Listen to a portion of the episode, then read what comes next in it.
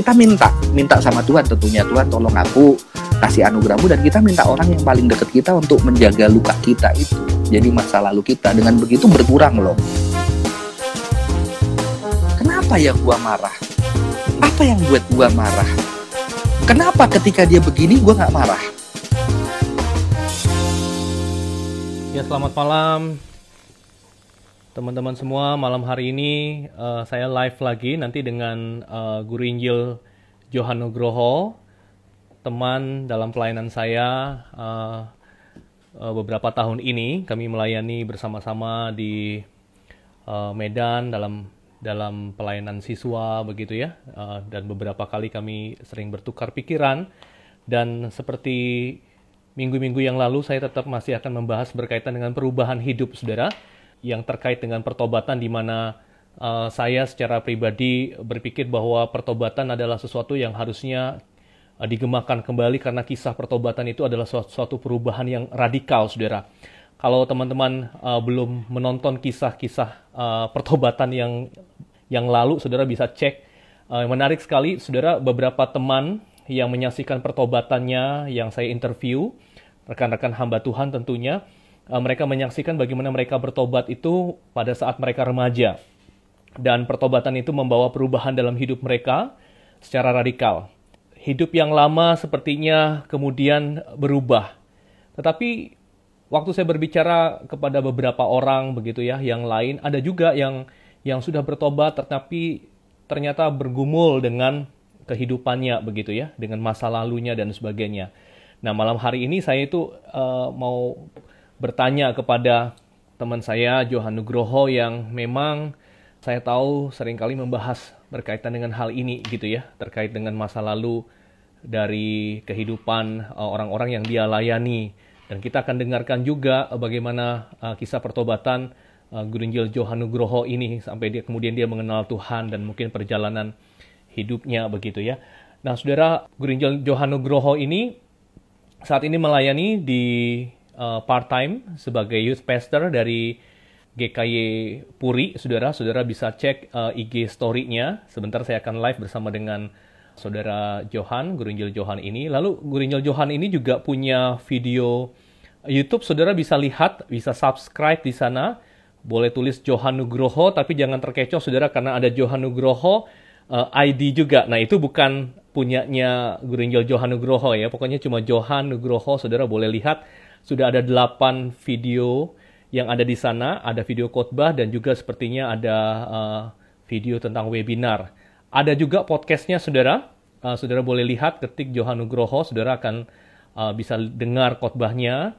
Uh, ko Johan nanti ya. Uh, mungkin kalau saudara kalau lagi kendaraan, lagi di mobil atau lagi ada di kendaraan umum, saudara boleh mendengarkan khotbah-khotbah yang disampaikan oleh Guru Injil Johan Nugroho. Saya akan uh, panggil untuk bergabung bersama sebentar, saudara ya. Oh ya, saudara, uh, uh, Guru Injil Johan juga lagi studi, melanjutkan studi MTH-nya di STT uh, Reform. Halo, bro. Halo, Ron. Oke, okay. ini pertama kali ya live. Iya, nggak iya. nggak pernah live baru pertama kali. Biasanya ngesum doang, kurang gaul. Iya. Ini pasti akan menjadi yang pertama dan abis ini Rami nih yang akan ajak kamu nge-live IG live nih, An. Tadi sampai tanya-tanya gimana ya caranya ini lah. An ini kita uh, seperti tadi gue jelasin kan kita uh, dalam waktu 30 sampai 45 menit ke depan kita akan uh, ngobrolin uh, soal masalah pertobatan begitu ya. Mm-hmm. Nah, uh, biasanya nih gue akan tanya nih ya ke narasumber gue, ke teman-teman yang gue undang buat live uh, berkaitan dengan pengalaman pertobatannya. Nah, lu bisa cerita nggak yeah. buat kita semua, uh, lu gimana sih bertobatnya begitu ya kenal Tuhan? Sebelumnya hidup lu tuh gimana begitu? Ini agak repot ya, Ron. Kenapa? Karena kadang-kadang dari kelompok Injil itu kan uh, membayangkan pertobatan itu kan sebuah pengalaman lahir baru yang satu kali seumur hidup begitu ya. Mm-hmm. Jadi akhirnya kapan satu kalinya? Tapi pernyataannya di dalam pelayanan juga ada anak-anak yang tidak mendapatkan pengalaman yang ekstrim begitu ya. Hmm. Kalau saya juga ada pengalaman yang cukup ekstrim tapi pengalamannya berkali-kali begitu gimana ya. Jadi waktu SD itu pernah satu kali kalau di gereja saya kan kecilnya balik keselamatan gitu ya. Mm-hmm. Tapi tahu-tahu kok ya bisa mengaku kayak merasa diri berdosa banget dulu kan suka ngisengin guru sekolah minggu, narik kursinya sampai jatuh gitu kan mm-hmm. ya. Jadi sampai pernah satu kali guru itu jatuh pingsan begitu saya tarik kursi wah itu takut banget begitu ya.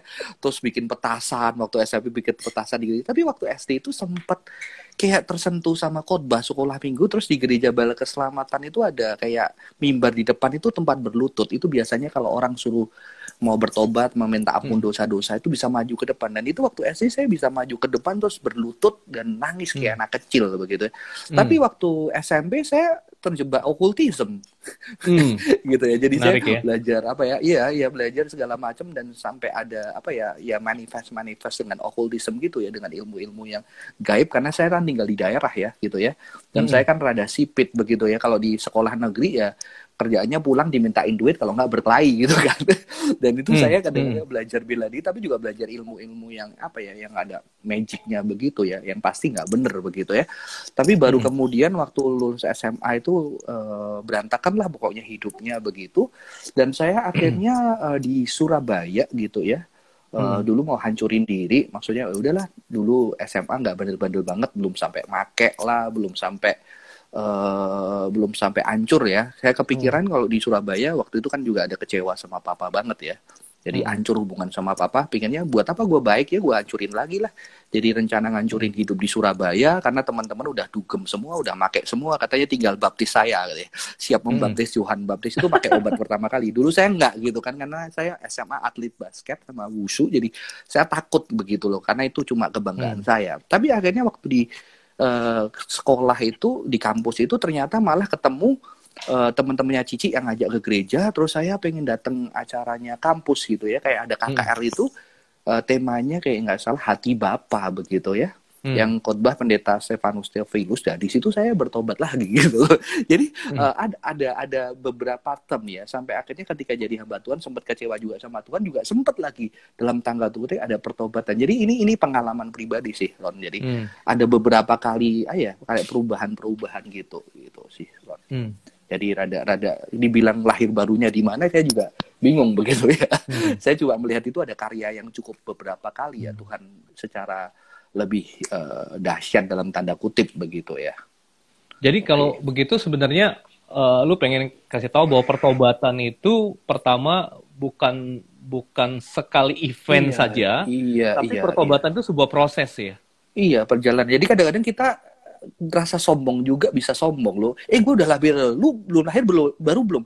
Terus ah, seolah-olah kita nggak melihat perkembangan kita dulu di gereja yang lama walaupun tidak terlalu keras itu kayaknya pelan-pelan itu sebagai sebuah karya Tuhan begitu. Orang selalu lihatnya cuma satu dan semuanya uh, enggak gitu loh. Jadi saya hmm. saya melihat ada karya Tuhan yang sejak lama mempersiapkan beberapa uh, saya pribadi sebetulnya gitu ya. Jadi sebuah hmm. kisah ya, sebuah perjalanan juga. Itu yang saya saya alami ya Ron ya. Mungkin ke depan ada pertobatan-pertobatan lagi begitu ya di dalam hidup hmm. saya. Sebuah Tapi kalau, perjalanan itu.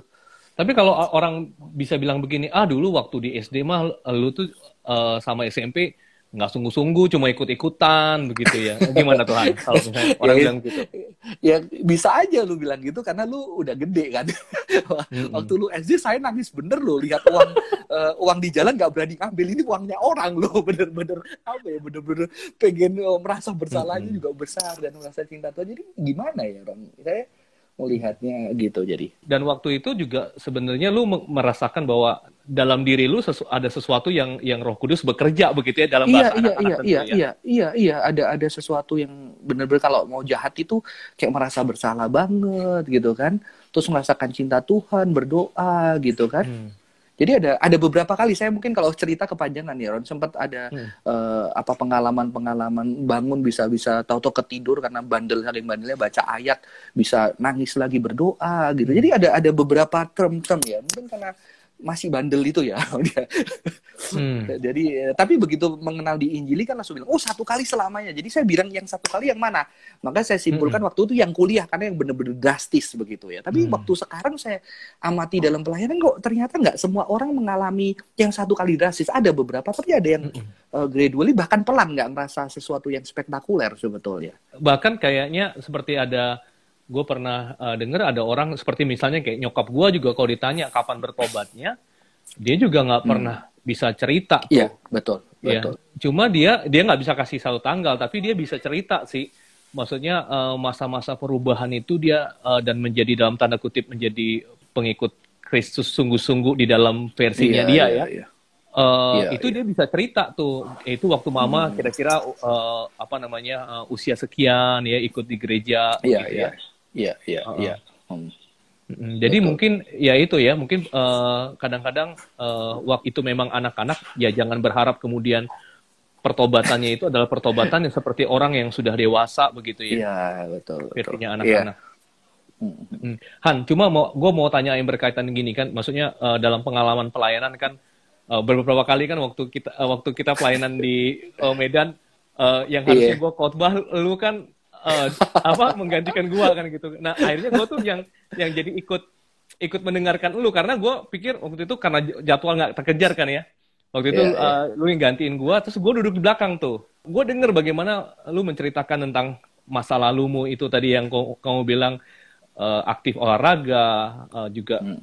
juga belajar bela diri, begitu kan ya. Nah, ternyata dalam pelayanan banyak juga kan orang-orang yang uh, sudah bertobat mengalami kelahiran baru lah kalau istilahnya dari kalangan Injili ya. Tapi masa lalunya itu masih nempel.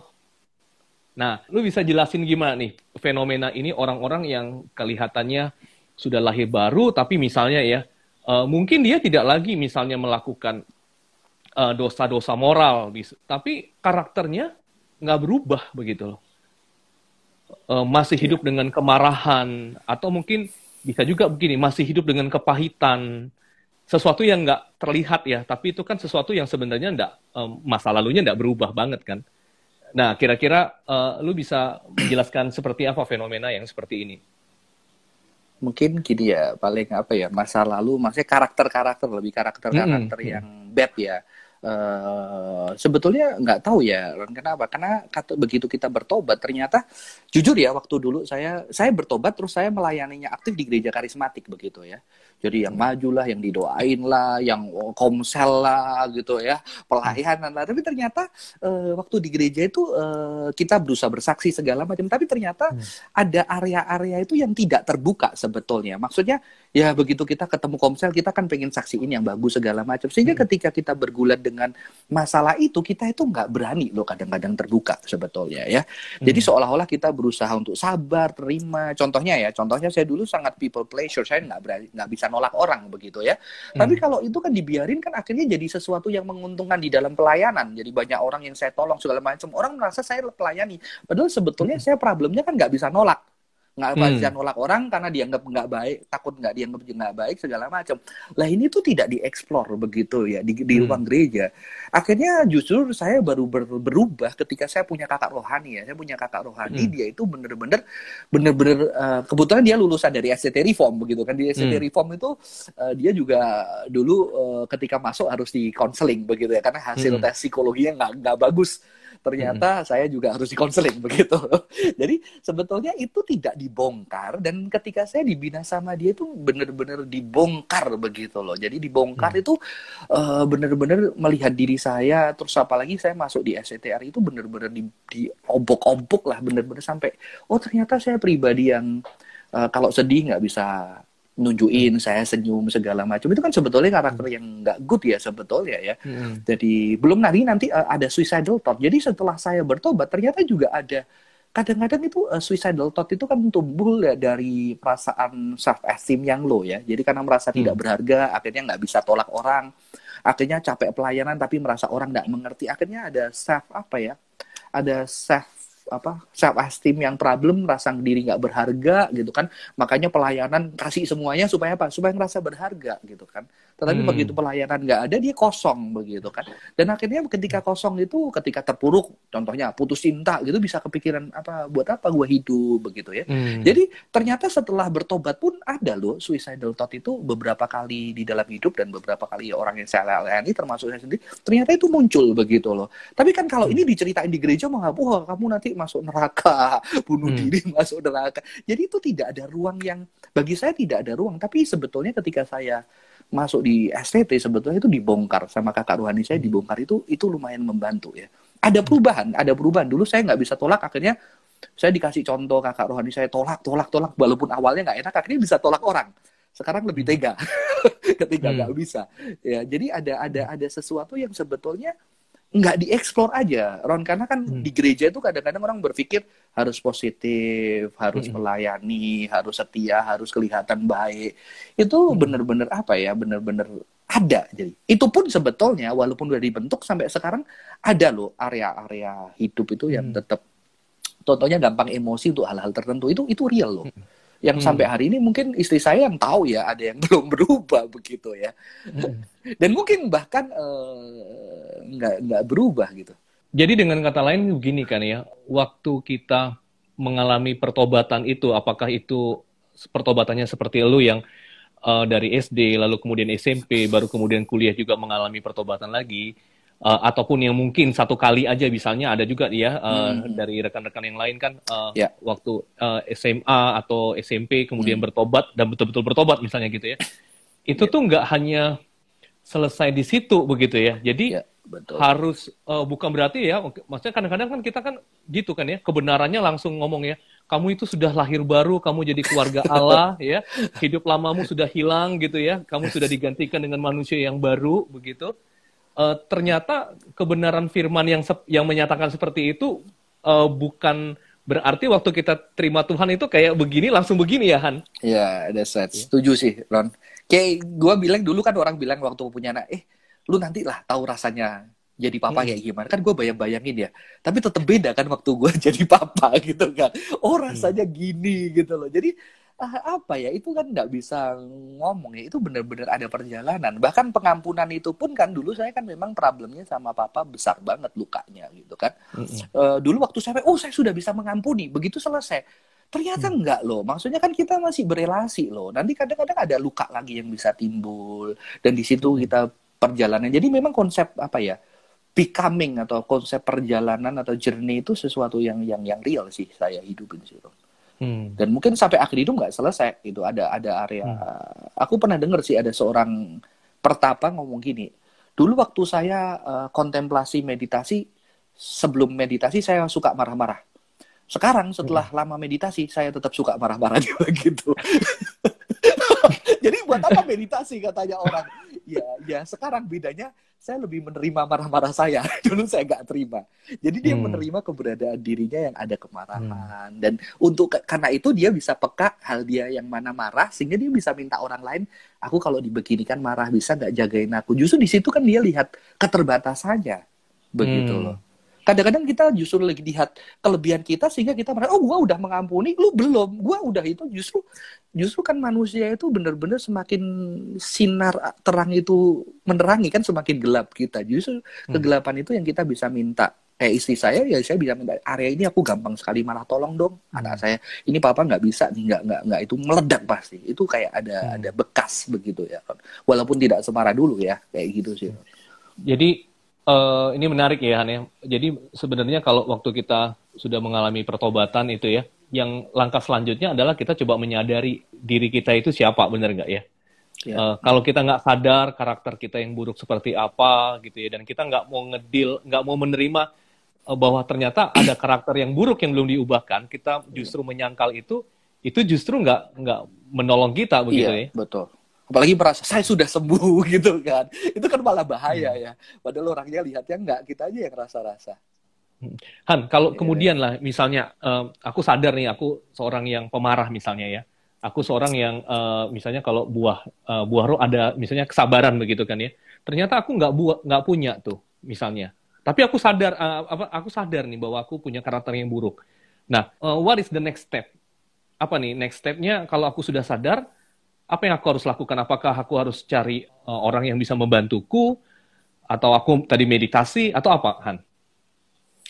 Uh, aku jujur sangat terbantu sama spirituality ya. Jadi spirituality juga psikologi gitu ya karena di SDTR itu terkenal suruh gumulin, gumulin, bergumul, bergumul gitu loh. Jadi suruh self awareness, self awareness terus ketika membaca buku-buku spirituality itu memang uh, self awareness. Jadi kadang-kadang kita kan doa Tuhan kenapa gua marah terus nih, tolong aku nggak marah gitu kan. Itu kan hmm. doa surface ya. Tapi kenapa ya gua marah? Hmm. Apa yang buat gua marah? Hmm. Kenapa ketika dia begini gue nggak marah? Hmm. Saya kasih contoh lah ya. Saya paling paling emosi sama ini uh, di rumah itu hmm. ada anjing gitu kan. Hmm. Ada anjing gitu. Anak saya suka anjing. Saya nggak suka anjing. Dulu waktu kecil suka anjing. Sekarang udah hmm. rumahnya sempit, ada anjing gonggong-gonggong. Tapi apalagi salah beli anjing. Anjingnya beli anjing ini ya anjing apa yang cerewet itu loh apa? Anjing pom kata istri saya. Itu cerewetnya uh. minta ampun pagi gogo malam gogo itu kesel banget. Tapi karena anak saya bahagia ya udahlah saya nahan. Tapi kadang-kadang itu saya bisa meledak loh gara-gara anjing. Apalagi itu Ron kalau lihat kotorannya. uh kalau lihat kotorannya terus iya. semua tidur saya harus barisin kotoran saya tuh nggak suka gitu tapi kan itu kebahagiaan anak sama istri saya waktu hmm. saya mau kasih orang saya alergi mata juga karena anjing itu bengkak terus gatel pengen dikorek gitu ya tapi karena hmm. lihat mereka nangis waktu dikasih orang nggak tega begitu ya hmm. tapi akhirnya saya deal gimana ya caranya saya supaya nggak marah saya harus beli filter lah untuk supaya apa alerginya nggak ada. Terus yang terutama adalah ah, saya mulai peka lihat ada kotoran dan akhirnya ada kotoran itu saya uh, saya minta anak saya gimana caranya dia nggak nggak nggak kotorannya sembarangan gitu. hmm. walaupun hmm. perlu perjuangan ya dan uh, biasanya kalau kita keluar kita pulang balik ke rumah itu ada kotoran dan biasanya saya minta anak saya yang memang sudah berkomitmen untuk pelihara anjing ya udah kamu uh, kamu ini tim uh, tim pembersih ranjau saya bilang hmm. gitu jadi dia masuk dulu saya tunggu di luar gitu jadi saya tahu kebutuhan saya saya nggak lihat gitu meledak gitu ya jadi saya tunggu hmm. di luar tim pembersih ranjau anak saya udah tahu bersih dan ketika saya masuk papanya udah tenang nggak marah kayak biasanya begitu ya ya itu hmm. itu bisa apa ya itu itu bisa menolong ya bisa menolong dan berkurang sekali jadi kita tahu justru dan ketika kita tahu kita butuh orang lain Hmm. Kita kasih tahu orang lain dan itu anak saya, saya butuh bantuan dari dia, saya butuh bantuan hmm. dari istri saya. Walaupun kadang-kadang nggak berhasil ya ketika ada hal-hal yang unpredictable kan, tapi hmm. paling nggak nggak nggak sesering sebelumnya. Dan jadi hmm. justru hmm. ketika kita aware, kita minta tolong orang sekitar kita untuk menjaga kita dari sakit kita. Jadi itu kan itu nggak gampang karena itu saya perlu rendah hati juga ya. Eh, hmm. uh, jujur uh, menyatakan bahwa saya pemarah gitu. Papa ini nggak sempurna gitu kan. Papa suka marah gitu kan. Karena nggak enak juga kan marahin anak gitu kan dia stres gitu kan. Kadang-kadang hmm. kita juga merasa bersalah. Jadi justru itu jadi langkah selanjutnya setelah ngerti kita minta minta sama Tuhan tentunya. Tuhan tolong aku kasih anugerahmu dan kita minta orang yang paling dekat kita untuk menjaga luka kita itu. Jadi hmm. masa lalu kita. Dengan begitu berkurang loh. Hmm. itu sih yang saya saya rasa uh, cukup membantu. Dan kalau bisa sampai komunitas bagus ya Mm -hmm. Jadi artinya uh, waktu kita deal dengan uh, karakter kita yang memang uh, belum dibereskan begitu ya, masa lalu kita yang dibereskan, maka penting keberadaan orang lain, penting peran komunitas untuk menolong saya ya. Nah ini menarik sih Han, maksud gue. Nah tapi kan begini Han, kalau misalnya terkait dengan itu ya, uh, itu kayaknya dari apa namanya ini dari dari itu kan orang-orang lain yang ada di luar uh, misalnya tadi kamu bilang kotoran anjing, kemudian ada yang hal lain, itu kan sepertinya memicu, yeah. memicu uh, menjadi trigger, uh, lu bisa mm-hmm. jadi marah kan. Tapi mm-hmm. kemarahan itu tadi sendiri ada di dalam kan, mm. uh, di dalam mm. di, di dalam hati begitu kan. Nah, apakah bisa memang dengan keberadaan orang lain apa namanya yang menolong kita begitu, atau memang kita memang perlu sesuatu nih yang untuk di dalam. Artinya maksudnya uh, kalau misalnya gue minta tolong sama istri gue nih, uh, eh, gue punya kemarahan dan sebagainya. Nah istri gue sebenarnya juga nggak tahu mau bikin apa begitu. Nah apakah misalnya gue butuh nih orang-orang tertentu yang yang memang punya skill untuk membantu kita melihat sebenarnya kemarahan ini sumbernya dari mana begitu? Perlu nggak ya Han? Atau ya ya. Uh, gimana kira-kira? Betul, uh, memang nggak semua orang punya bisa punya kepekaan ya, apalagi lo nggak kebiasa hmm. kan, karena spiritualitas yang biasanya uh, dari kelompok kita kan lebih ke arah bagaimana mengerti firman dan segala macamnya. Tapi untuk menggali hmm. batin, kontemplasi itu kan betulnya agak kurang. Dan sebetulnya uh, psikologi cukup bisa membantu ya, Ron. Jadi sebetulnya hmm. itu kan saya bisa begini juga karena saya juga waktu masuk di sekolah diwajibkan konseling hmm. ya. Jadi akhirnya hmm. bisa dibuka, bisa dilihat luka-lukanya. Itu dulu pun saya nggak mau, saya nggak mau. Waduh ngapain sih? Pikirnya saya gila apa suruh konseling gitu ya. saya ngomel-ngomel. Tapi kalau saya nggak konseling saya nggak bisa sekolah teologi gitu kan. Hmm. Jadi terpaksa dijalani tapi lama-lama ketika menjalani itu kok kok jadi kebuka jadi kebuka begitu ya. hmm. ya dan dan itu bisa hmm. membantu sangat membantu sih sehingga di pelayanan di gereja di gereja saya di sing itu rata-rata leader itu saya suruh konseling Hmm. Supaya cepet-cepet saya bukain dulu pentingnya konseling, habis lu konseling lu balik bisa bantuin saya dengan cepet. Itu hmm. penting banget saya bilang dan itu kerasa banget begitu mereka udah terbiasa terbuka, mereka juga lebih gampang lu yang konseling lebih gampang layani orang, lebih terbuka hmm. gitu kan. Dan pasti nggak jaim ya, karena udah berani melihat apa ya eh, problem-problem dia sih itu itu menolong sekali sih sangat sangat menolong bagi bagi saya yang kamu ngatain hmm. tadi bener banget sih amin banget nah habis ini gue harus live sama Michael gitu kan ya.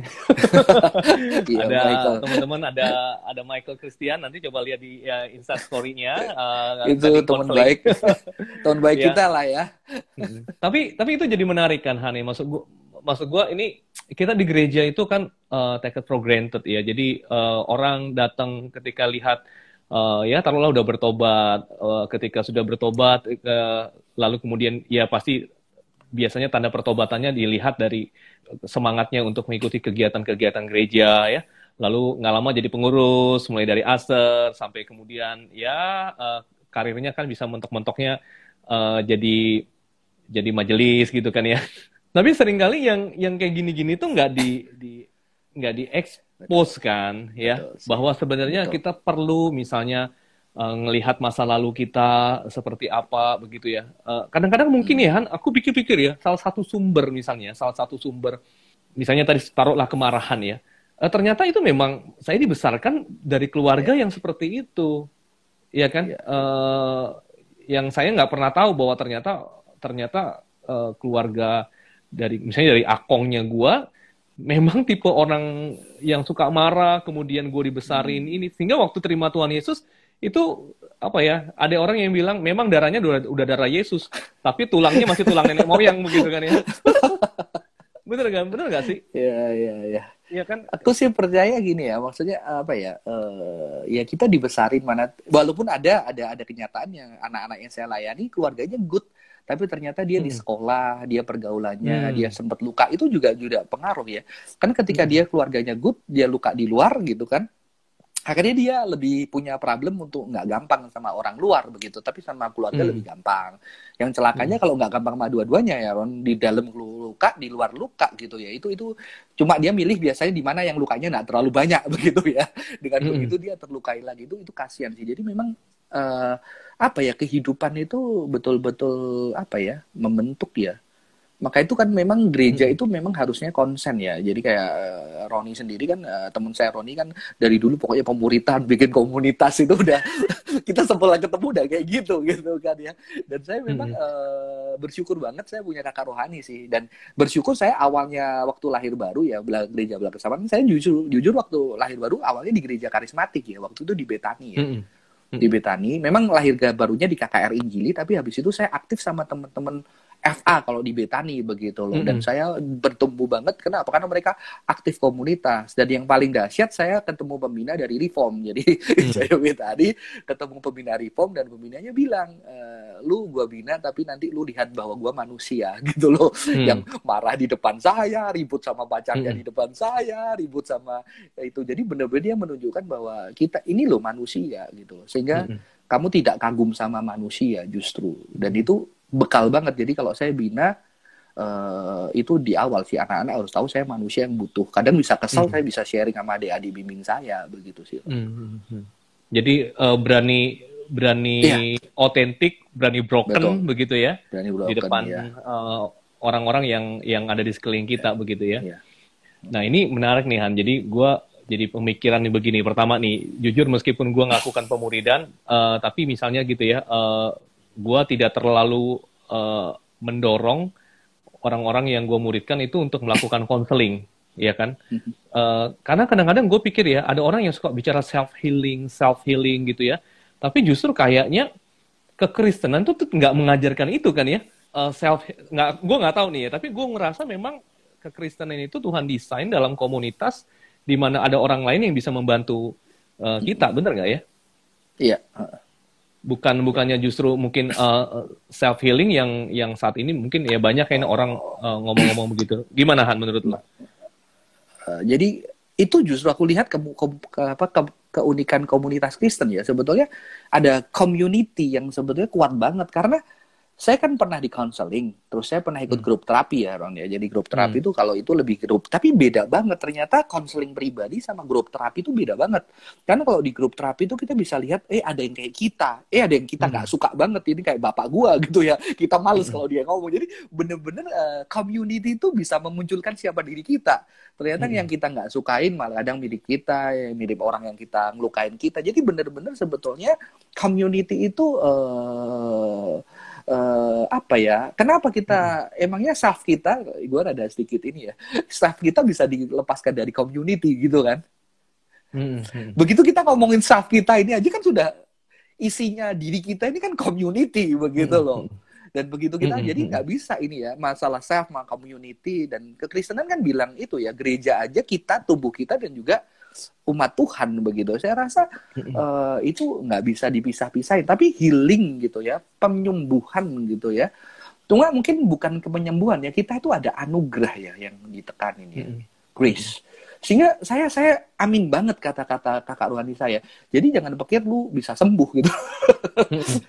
Kalau lu bisa sembuh, anugerah udah nggak ada lagi gitu kan. Lu nggak perlu dokter lagi. Lu lu harus sadar sakit lu supaya apa? Sadar lu tetap butuh anugerah itu. Mungkin sakitnya nggak separah dulu begitu loh maksudnya. Jadi ada anugerah. Jadi lu nggak bisa sembuh total. Lu harus ada sakit tetap. Hmm. Makanya itu kita nggak sempurna supaya apa? Anugerah Tuhan itu nyata. Hmm. Jadi justru semakin lama kita makin lihat begitu banyaknya luka kita, begitu banyaknya apa Hmm. eh, problem kita gitu sih Ron gua lebih lihatnya. Jadi jangan-jangan, jangan-jangan menurut gue ya, eh, jangan-jangan justru eh, masa lalu kita yang kita nggak pernah beresin sungguh-sungguh itu yang membuat kita sepertinya kelihatan bertumbuh tapi nggak berbuah begitu kan ya? Iya, iya. Eh, bertumbuh nggak ya? tapi nggak buah ya. Iya, iya. ber- kan kalau Iya, misalnya iya. bertumbuh ya kelihatan lah punya Iya, iya, mungkin iya, punya iya. iman, tapi nggak punya dampak yang signifikan dalam Mm, mm. betul orang betul lain, betul. begitu ya. Udah lahir baru, udah lahir baru percaya Yesus, tapi Mm-mm. ada area-area yang kayak apa? Tuhan itu kan nggak tipe maksain, ayo buka gitu. Dia menunggu kan. Yang kita nggak Mm-mm. berani buka bertahun-tahun, biasanya kan ditunggu di sana. Itu sih Ron sebetulnya Mm-mm. lebihan. Itu sih Han, eh, bisa cerita nggak Han? Misalnya ini kan ada teman-teman juga yang mungkin eh, eh, nonton begitu dan nanti juga ada. Eh, dalam pelayananmu sendiri ada nggak? Misalnya eh, contoh kasus lah ya eh, mungkin tidak perlu sebut nama atau kalau eh, oke juga karena eh, banyak dari kita nggak tahu ya. Eh, eh, ada nggak ya orang-orang yang lu layani begitu sekian tahun jadi orang Kristen eh, baru sadar ternyata ada area yang dia ini masa lalunya itu ternyata ya inilah yang menghambat dia untuk eh, dia mengalami pertobatan yang sesungguhnya begitu. Pernah nggak? Mungkin nggak usah orang lain, aku juga kayak gitu kok Ron. Oh oke oke. Oh oke menarik Jadi, nih menarik. Sebetulnya gue Oke. pernah apa ya lebih enak gitu ya. Jadi sehingga akhirnya saya juga bisa lebih sabar ya. Karena setiap orang kan waktunya beda-beda. Ada yang bandel lah. Saya tipe yang rada bandel. Kalau nggak diancurin ancur-ancur bener biasanya bandelnya itu kelihatan gitu loh. Jadi agak Mm-mm. agak agak bandel gitu loh. Jadi eh, waktu itu saya udah melayani. Saya lulu- sudah lulus sekolah teologi. Eh, Mm-mm. Tapi yang bagi penting buat hidup saya kan yang membuat saya sulit sekolah teologi. Mama saya sangat sayang sama mama saya begitu kan. Hmm. Tapi ternyata Tuhan ambil tiba-tiba begitu loh. Tiba-tiba saya nggak ada kesempatan segala macam dan saya kecewa dan marah dan saya lumayan lama loh, 5-7 tahun, 7-6 tahun. Hmm. Jadi saya kecewa, tapi orang nggak tahu gitu. Dan saya bisa melayani Tuhan pakai gitu. Bisa pimpin KKR, bisa apa. Tapi akhirnya karena udah lama, jadi saya pun nggak sadar loh. Bahwa sebetulnya itu itu ada gitu loh. Sampai saat 5, 6, 7 tahun itu ada eh, ketika eh, apa saya sempat debat sama kakak rohani saya akhirnya dia bilang kayaknya lu ada yang belum beres loh begitu loh. Hmm. dan saya mulai dan saya marah begitu. Dia bareng marah-marah baru saya keluar. Terus dia bilang "Eh, kayaknya lu perlu ke gereja. Dulu kita melayani gereja bareng dia tuh masuk ke dalam gedung gereja. Lu sujud sama Tuhan lu teriak deh apa yang ada di isi hatimu jujur dengan Tuhan Hmm. ternyata saya selama kece waktu kekecewaan mama saya saya kan eh, apa ya nggak terima sebetulnya tapi Hmm. saya sebagai hamba Tuhan saya harus terima saya harus berusaha berusaha berpikir positif beru- dia sudah indah bersama dengan Hmm. Tuhan di sana begitu Hmm. tapi setelah lah tujuh tahun enam tahun itu saya bersujud di gereja saya baru sadar saya kecewa banget loh dan saya Hmm. waktu itu teriak dan sambil bersujud nangis kayak anak kecil saya bilang Tuhan kenapa engkau ambil yang paling berharga dalam hidupku Hmm. begitu dan di situ saya nangis kayak anak kecil tapi saya cuma denger diem aja cuma hening tapi saya bisa nangis dengan lega Dan di situ saya baru sadar mungkin mungkin Tuhan itu sedang menangis bersama dengan saya. Di situ saya mulai hmm. mengalami sebuah perubahan merasakan bahwa Allah yang apa ya Allah yang apa ya bukan Allah mungkin ya Roh Kudus yang bersedih kalau kan Allah nggak boleh nggak bisa bersedih gitu ya hmm. tapi kalau doktrinnya gitu hmm. tapi ada satu pemaknaan bahwa Tuhan yang ada bersama-sama dengan saya di dalam setiap tangis saya. Di situ justru saya begitu setelah khotbah tentang penderitaan saya nggak judgmental dan saya saya hmm. coba bilang ada ada apa ya saya pernah di sana gitu loh. Jadi hmm itu enam tahun loh saya saya kecewa dan saya nggak sadar loh Ron hmm. sampai udah lupa dan ternyata itu transformasi yang yang cukup dahsyat dalam hidup saya setelah pertobatan hmm. juga gitu ya jadi uh, ada loh yang kayak gitu dan waktu saya melayani anak-anak ada yang datang sama saya dia ngaku dia dia udah sejak kecil pelayanan tapi dia nggak nggak percaya sama Tuhan dia belum bisa hmm. percaya dia belum mengalami Tuhan waktu itu saya cuma bilang ya udah jalan aja jangan dipaksain wong namanya anugerah ya nanti dia datang hmm. dan ketika hmm. kita beri ruang kadang-kadang itu itu bisa bisa it's happen yang waktu yang nggak kita bayangin gitu loh jadi saya kok melihat ini ada perjalanannya orang kita kadang-kadang nggak kasih ruang orang itu untuk mm apa kadang retret kita pengen ada perubahan dari retret jangan-jangan dia di retret kita cuma apa ya ngicip ngicip hmm. doang gitu loh jadi saya hmm. ingetin anak-anak lo kalau retret jangan adakan perubahan kan siapa lu gue bilang gitu kan hmm. ya lu hmm. adain aja jadi berkat karena mungkin satu orang udah ada tahu-tahu tersentuh ya luar biasa tapi mungkin ini hanya waktu awal dia mulai hmm. tertarik dengan kekristenan why not begitu loh Mm-hmm. Why not gitu kan ada perjalanan yang panjang gitu kan. Kita mm-hmm. jadi kayak apa ya? Kayak punya target gitu ya. Jadi kayak MLM gitu ya. Ada target harus berhasil bertobat, nanti angkat tangan berapa gitu ya namanya. Iya, jadi kadang kalau lu tapi, perhatiin dua KKR kan gue bilang kan e, kalau hari ini kamu masih belum mau rela buat Tuhan, kamu belum terbuka, hmm. bilang aja Tuhan aku belum siap. Aku belum siap karena banyak yeah. hal yang aku nggak ya itu kita harus kasih ruang buat orang ya aku yeah. masih belum percaya Jadi, gitu ya. Iya, ini menarik sih Han.